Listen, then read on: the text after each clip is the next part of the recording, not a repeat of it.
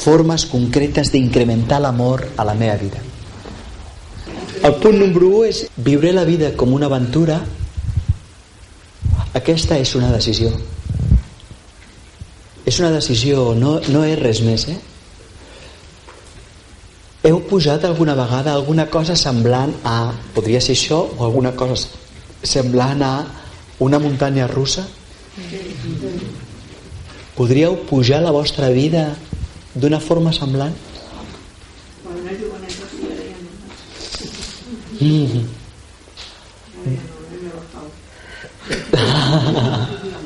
doncs una forma d'incrementar l'amor és tornar-te a pujar a pujar-te a la vida com una aventura això, això no vol dir que un no tingui criteri això no vol dir que un no pugui dir no a les coses però sí que vull dir en que a mi el que m'està passant a la meva vida és molt interessant. I jo moltes vegades penso en el dia de la meva mort. Llavors el dia de la meva mort me l'imagino de la següent forma eh? me l'imagino així dient uau, uau, uau, aviam què posen ara aviam què posen ara? Perquè ho trobo molt interessant. Eh, què posen ara? aviam què passa? Claro, aviam què passa diu, diu aquest es veu que se'n va. Hòstia! Enteneu? Diu, jo m'imagino fo focalitzant-me en aquesta aventura que ara comença. Igual que quan estava naixent podia focalitzar-me en aquesta aventura que hi ha un món a fora que m'està dient vine, sense tu el món serà incomplert, vine, t'estem esperant. I per tant és uau! Va mama, apreta. S'entén aquesta història? Que és molt diferent és molt diferent a sentir-te expulsat, a sentir que estàs en perill, a sentir que estàs abandonat un espai de seguretat. Vale, doncs, puc veure així la meva vida? Puc imaginar-me, per exemple, jo que sé, un projecte que ara començo amb, com una aventura i si fracassa fer així ai, ai, ai, et treus la pols eh? i continues s'entén? aquest és el punt número 1 i això és una decisió i això significa d'alguna forma enamorar-te de la vida. I vale, aquesta és una. S'entén aquest punt número 1? Sí. digues.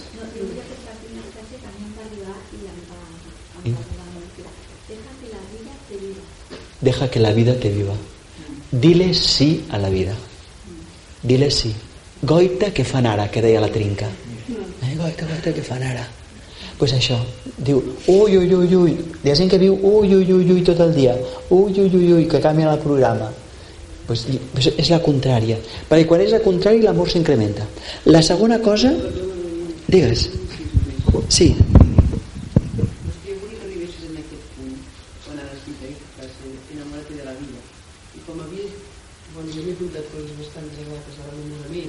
Sí. Ah, d'acord, però estima la vida més que enamorar-te. D'acord? No, no, no, no el brother psicòtic, sinó estima la vida. Sí. I accepta, accepta el que et tocarà viure. Mireu, l'altre dia parlava amb una persona que vivia una situació molt, molt, molt, molt, molt, molt, molt, molt difícil llavors vaig dir, quina és la teva por més terrible? La més terrible. Llavors diu, la més terrible de totes? diu que perdré casa meva i que hauré d'anar a viure en un albergue i que hauré d'anar a menjar en un lloc d'aquests que em donen menjar s'entén aquesta idea? -hmm. vaig dir molt bé pots tancar els ulls i imaginar-te el següent imagina't que ara estàs vivint en un albergue i tens una llitera que és la teva s'entén la idea? amb un armariet que és el teu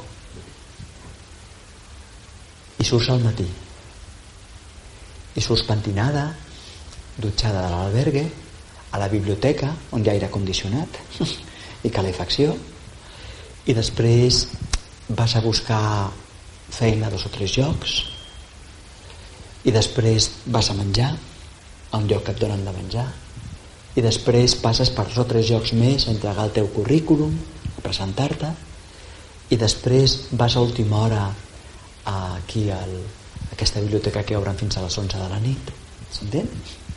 i després tornes al teu llitet t'ho pots imaginar un dia t'ho pots imaginar dos t'ho pots imaginar tres pots imaginar-te sense que això et trenqui s'entén?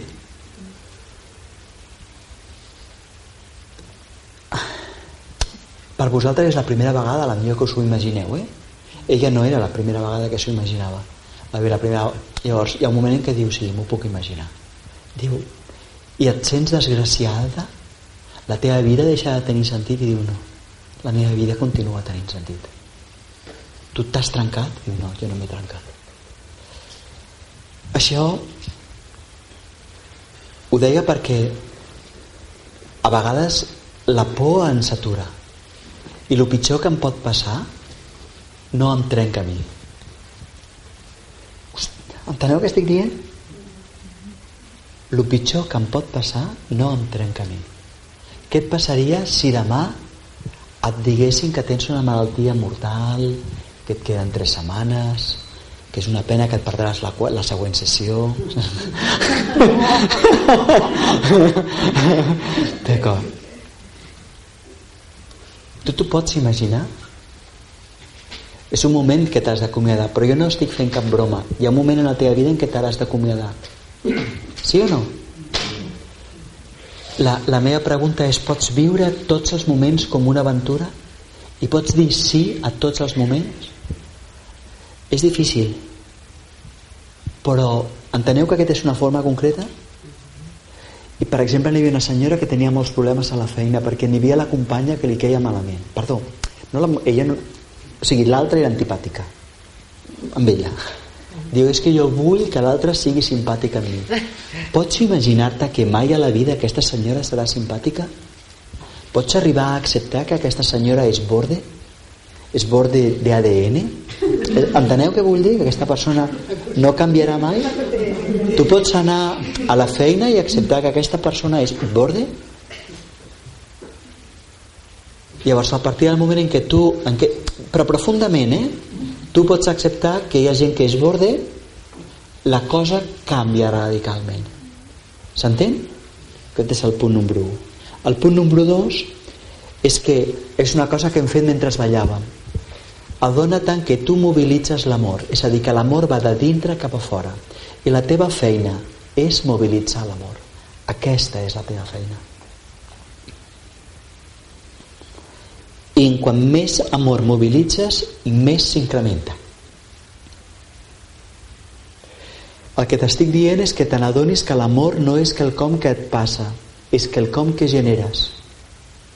Que tu no ets passiva, tu no ets passiu davant de l'amor, ets actiu i que quan més ho facis de forma conscient més amor tindràs les persones que teniu com a tasca incrementar el vostre amor es tracta d'això no es tracta de que l'altre et caigui simpàtic es tracta de que tu intentis comprendre l'altre de que tu hi mostris interès per l'altre encara que sigui vaig a posar molt d'interès en aquest borde s'entén? doncs pues ja està 3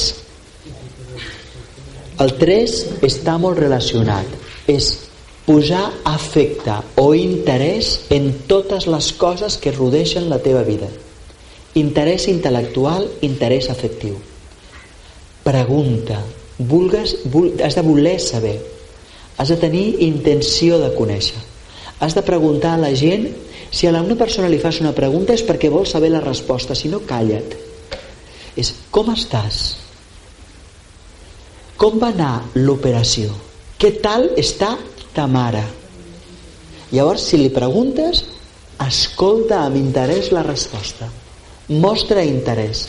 I si vas pel carrer, mostra interès. És fascinant com estan creixent les fulles. És fascinant. Mostra interès. Però a mi em fascina la lluna. I l'ombra de la lluna. És una cosa bestial. I pues mostra interès, interès. I, i perquè l'interès és una cara de l'amor. Aquest és el punt número 3. El 4 és expressa verbal, corporal i amb accions explícitament el teu amor. Expressa el teu amor amb paraules, amb el cos, amb gestos. Digue'ls sí als teus amics us volia dir que us estimo us volia dir que sou importants digue-li sí, digue a la teva parella saps per què t'estimo? perquè ets la persona que llavors li expliques per què l'estimes. Explícita. Aquest és el punt número 4 el punt número 5 per incrementar l'amor és prohibeix que a la teva vida hi hagin zones minades. A la teva vida no hi han temes prohibits. Pots parlar de tot de tot d'amor, de violència, de tendresa, de sexe, de política, de religió, d'art, i pots experimentar-ho tot. No tens res prohibit, només que hi ha coses que vols fer i coses que no. Però no hi ha res prohibit, no hi ha temes prohibits a la teva vida. De cop i volta resulta, vull que us situeu vull que us situeu als Estats Units al 1800 o al 1920, és igual, i que siguis de raça blanca i que de cop i volta descobreixis que hi ha una persona d'ètnia negra a la que estimes, a la que decideixes estimar.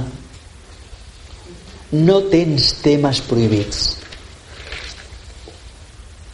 Resulta que de cop i volta descobreixes que hi ha algú que estimes que per un defecte inexplicable i absurd de l'altra persona et porta 30 anys de distància i els dos sou adults no tens temes prohibits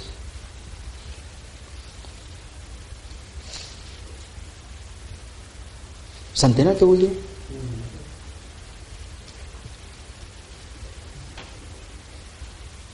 El 6 el 6, perquè si no ens estem limitant hi ha tanta gent que m'explica històries de l'estimava tant però és que era 15 anys més gran que jo diu, tu ets tonto? ¿se entiende? ¿es tonto o te, o te lo haces? pues va per aquí, no? vale. o més jove o que sigui, no? vull dir que no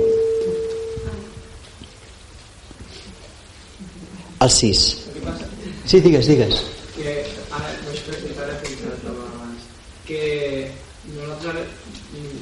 volem pensar sense límits, no? I llavors com és que quan parlem dels infants sí que els hi volem posar límits, no? Jo he dit que els límits eren un tema pels infants i també he afegit una cosa interessant aquí que és eh, no importa que et portis 30 anys sempre quan els dos siguem adults d'acord? perquè moltes vegades amb els infants el que la gent que estima infants el que, el que resulta és que els impedeix viure la seva infantesa. Sí, sí, no, no, no està el terreny aquest, però ah, per exemple, si anem a dormir a les 9 del vespre, sí. per què amb els infants estan clar i nosaltres al mateix diem pues no, vull venir a dormir a la mitjanit perquè, perquè no, és, no vull no limitar la meva vida? Perquè els infants no tinc temps. límits. Sí. Que si no poses límits, eh, no, sé, no és una referència. No? Ja si fa falta després en la seva vida o que després s'hauran de desempallegar la seva vida no? I, i sobretot bueno, sí, i sobretot posa límits que tinguin una lògica llavors aquests límits que tenen una lògica els fan créixer anar a dormir a les 9 del vespre quan tens 5 anys té una lògica perquè has de descansar moltes hores ara quan és el dia de Sant Joan o el dia del 31 de desembre doncs va fins les 11 com em feien a mi i llavors em tocaven les campanes amb el clang, clang, clang no? i a les 11 anava a dormir tan content no? bé, hi ha famílies que ho fan fins a les 12 fantàstic, i les viuen en directe però en tot cas ets tu que els hi dones una i a vegades els límits també estan per trencar-los però de forma explícita amb els infants avui farem no sé si t'he contestat, eh Joan? Sí, digues, digues Montserrat. Permeten determinades coses, no? Jo crec que no, no només és mentre siguem adults, jo crec que s'ha de vigilar en situacions en què hi ha situacions d'abús de poder. Perfecte, tens raó. I sempre hi ha abús, eh, perdó, i hi ha possibilitat d'abús de poder eh, quan tu ets un cap, per exemple, quan tu tens molts diners i l'altre no en té, quan, vale, quan aquest tipus de coses, sí, tens raó. És a dir, és entre, entre adults sempre quan sigui de forma conscient i consentida i no hi hagi abús de poder. Això ho completaria d'una forma.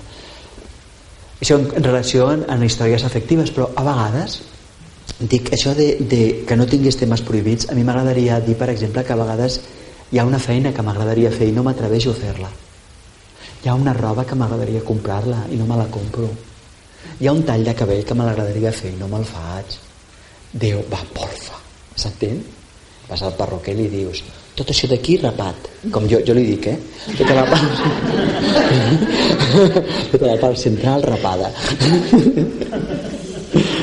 bé la, la forma número 6 de potenciar l'amor és mm, potenciar l'art, la música, el cantar, el ball, la pintura, la dansa,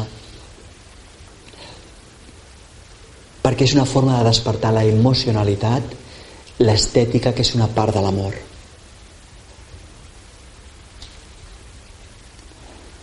La set, la, la, la forma set de potenciar l'amor a la meva vida, de fer-la créixer, i per això, per exemple, aquesta anterior, a la gent que ha de fer créixer l'amor, jo els recomanava que fessin biodansa, d'acord? Que fessin coses d'aquestes. La set, mm, una forma d'incrementar l'amor és fer tota una col·lecció de meditacions que tenen com a centre l'amor. Aquestes meditacions que són, per exemple, que tu veus davant teu tota una col·lecció de persones i els omples d'amor, o que tu veus Cris davant teu que et mira amb total compassió, acceptació absoluta, que et veu sense cap rastre de pecat, sense cap errada i t'abraça. Aquest tipus de meditacions són meditacions que incrementen el teu amor. Número 8, la forma d'incrementar l'amor és tenir cura del propi cos i permetre expressar, per exemple, la teva sexualitat, permetre't cuidar-te, permetre't els massatges, permetre't el contacte. Abans, quan he parlat de la passió, i he parlat del contacte, jo he parlat del contacte i de la passió dient que no sempre inclou genitalitat. I si us n'adoneu, a la nostra vida hi ha moltes persones amb les quals podem tenir també contacte físic. Apreciem aquest contacte físic i permetem que aquest contacte físic continuï. Perquè, per exemple, quan hi ha amics amb els que jo els puc abraçar, jo els hi puc agafar la mà, eh, podem tenir tendresa, i això no té per què anar més enllà aquesta és una forma de fer incrementar l'amor. I aquesta reconciliació amb el cos em sembla molt important. I en certs moments jo crec que val la pena que nosaltres ens plantegem quins tabús sexuals tenim i fem una llisteta d'aquests tabús i ens proposem en la mida del possible de traspassar-los no perquè aquests tabús siguin importants de traspassar, sinó perquè és un rotllo d'anar sempre, d'estar carregats, d'anar carregats amb aquests tabús. I per tant, si recordeu a la sessió número 5, una de les coses que n'hi havia a la llista era fer una llista de fantasies sexuals i portar-les a terme. Té a veure amb això, per reconciliació amb l'amor, amb el cos, amb la sexualitat. Perquè nosaltres tenim cos, El 10... No. Perdó, el 9, sí. Sí, sí, sí, siguem ordenats, siguem ordenats. Clar que sí. El 9...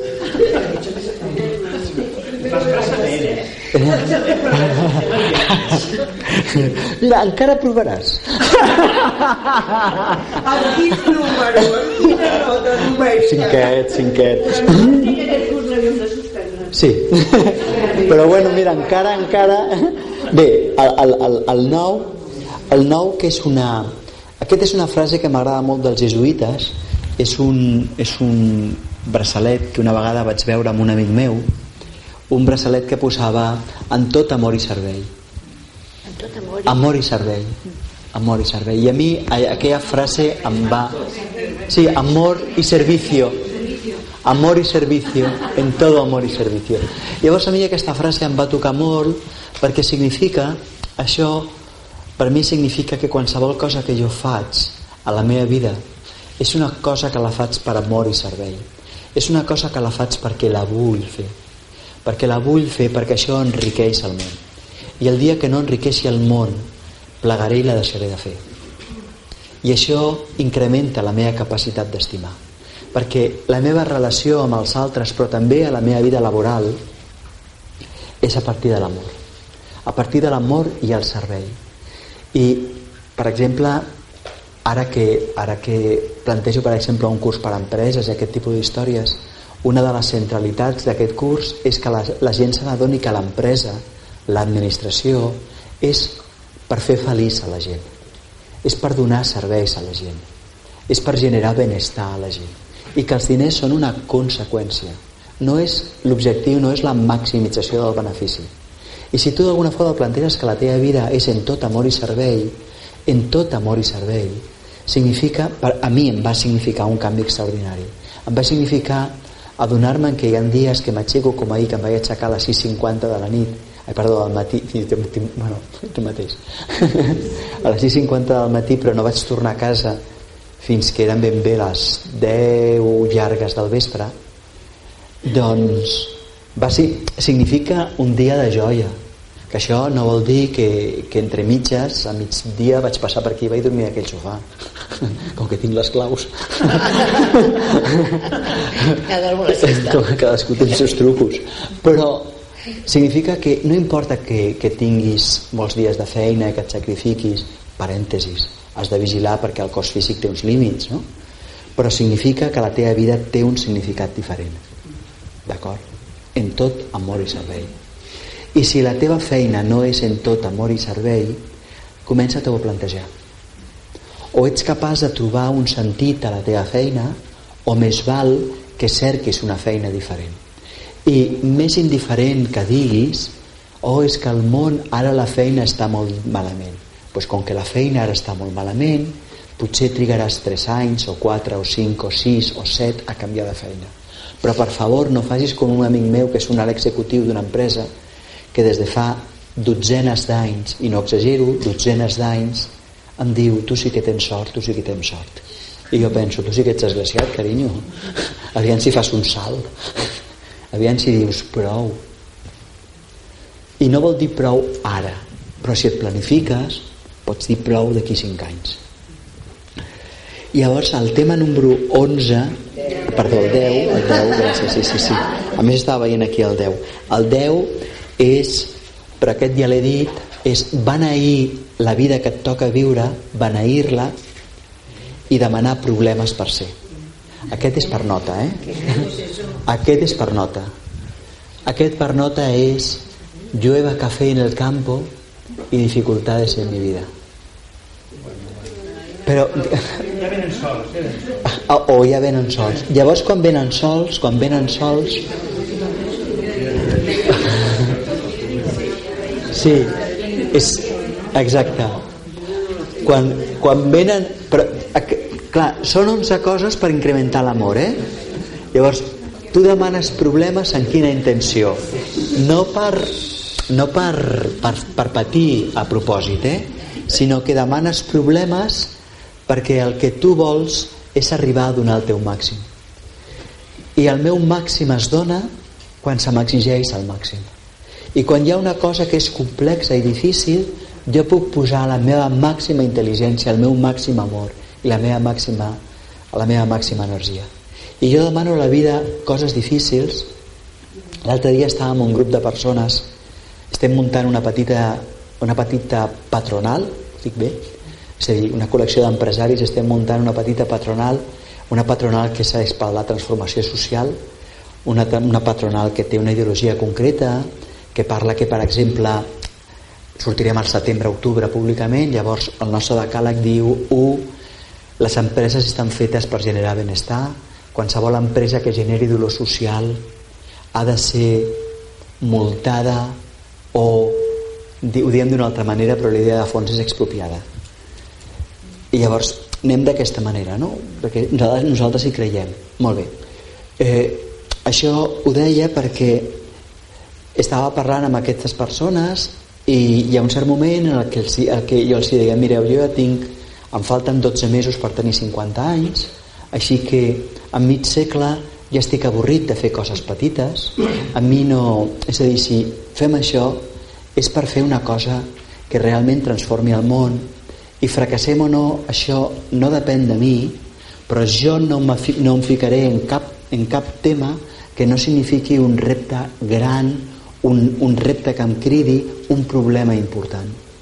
I no m'importa els problemes que trobi però jo no vull estar en una associació que sigui per ajudar una mica alguns pocs empresaris. Jo vull fer una associació que ajudi al màxim d'empresaris possible i que, que generi la màxima transformació possible de la societat. I en aquest sentit el que ens estava dient és es estic cridant a molts problemes carinyos. S'entén la idea? Pues una mica és aquesta. Però beneir-los.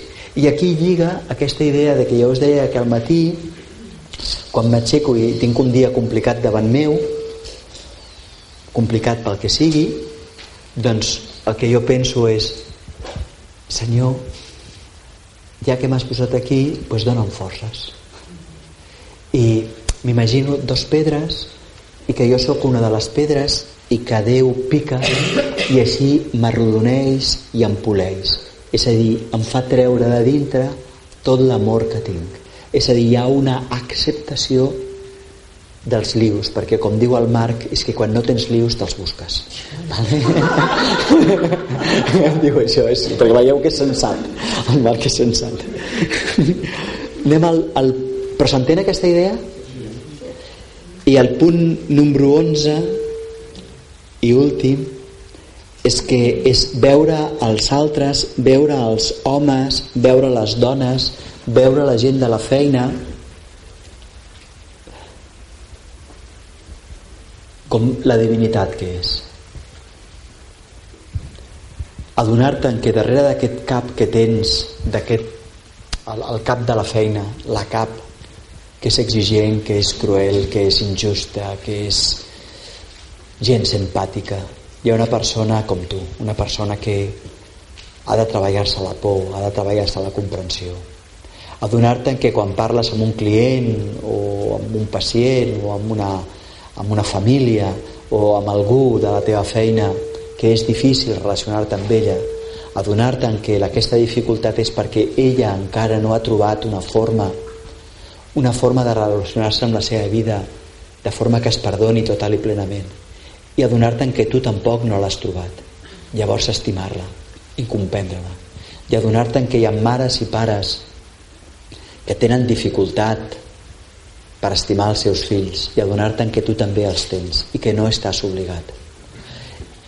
I això aquesta seria la, la, la, la forma número 11 la forma número 11 intentar lo de matí, lo del cercle d'aquest matí no? i jo ara que miro aquí a la, tot el que vosaltres d'alguna forma heu dit. Jo crec que ara ho he contestat tot. L'única cosa que voldria dir és que jo no, he, jo no vaig intentar no vaig voler dir que els fills no se'ls havia d'estimar. Els fills no és que no se'ls hagi d'estimar, és que a vegades no ens cauen bé. No ens cauen bé. Ens cauen malament. Ens semblen uns bledes, o uns pesats, o uns, saps què vull dir? O uns tirans. I aquest és el fill o la filla que m'ha tocat a mi. I que no em caigui bé no, no vol dir que jo no l'estimi, que és un altre concepte. Perquè jo sí que, jo sí que he de procurar estimar-la, he de procurar voler el seu bé i per tant si és una nena molt poruga i em posa dels nervis primer hauré d'acceptar la meva por i després ajudar-la amb ella a travessar la seva s'entén? i si és una dictadora hauré de primer de treballar la meva energia i acceptar que la tinc posar-li límits i ajudar a ella que també treballi la seva energia però més que res aquesta petita diferència eh? no mica perquè ja sé que tu volies dir això però així ja, ja queda acabat del tot eh?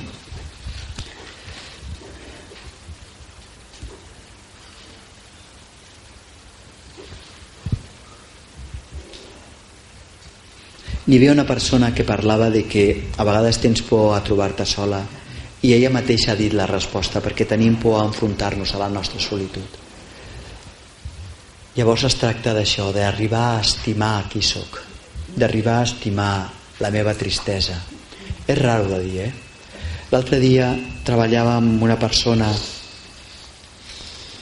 que estava deprimida i a més a més que té tendència a la depressió física i jo no li puc dir una altra cosa sinó que la depressió física és una malaltia com la càries, s'entén?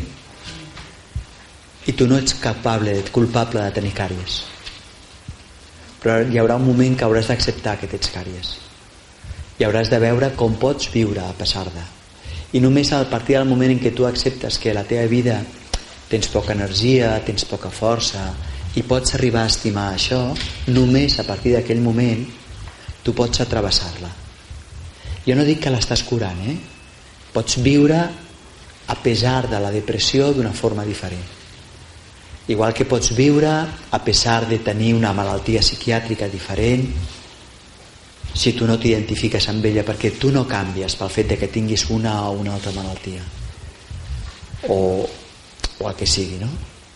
llavors una mica la idea fonamental aquí és que davant de la por de la solitud l'única cosa que pots fer és abraçar-la.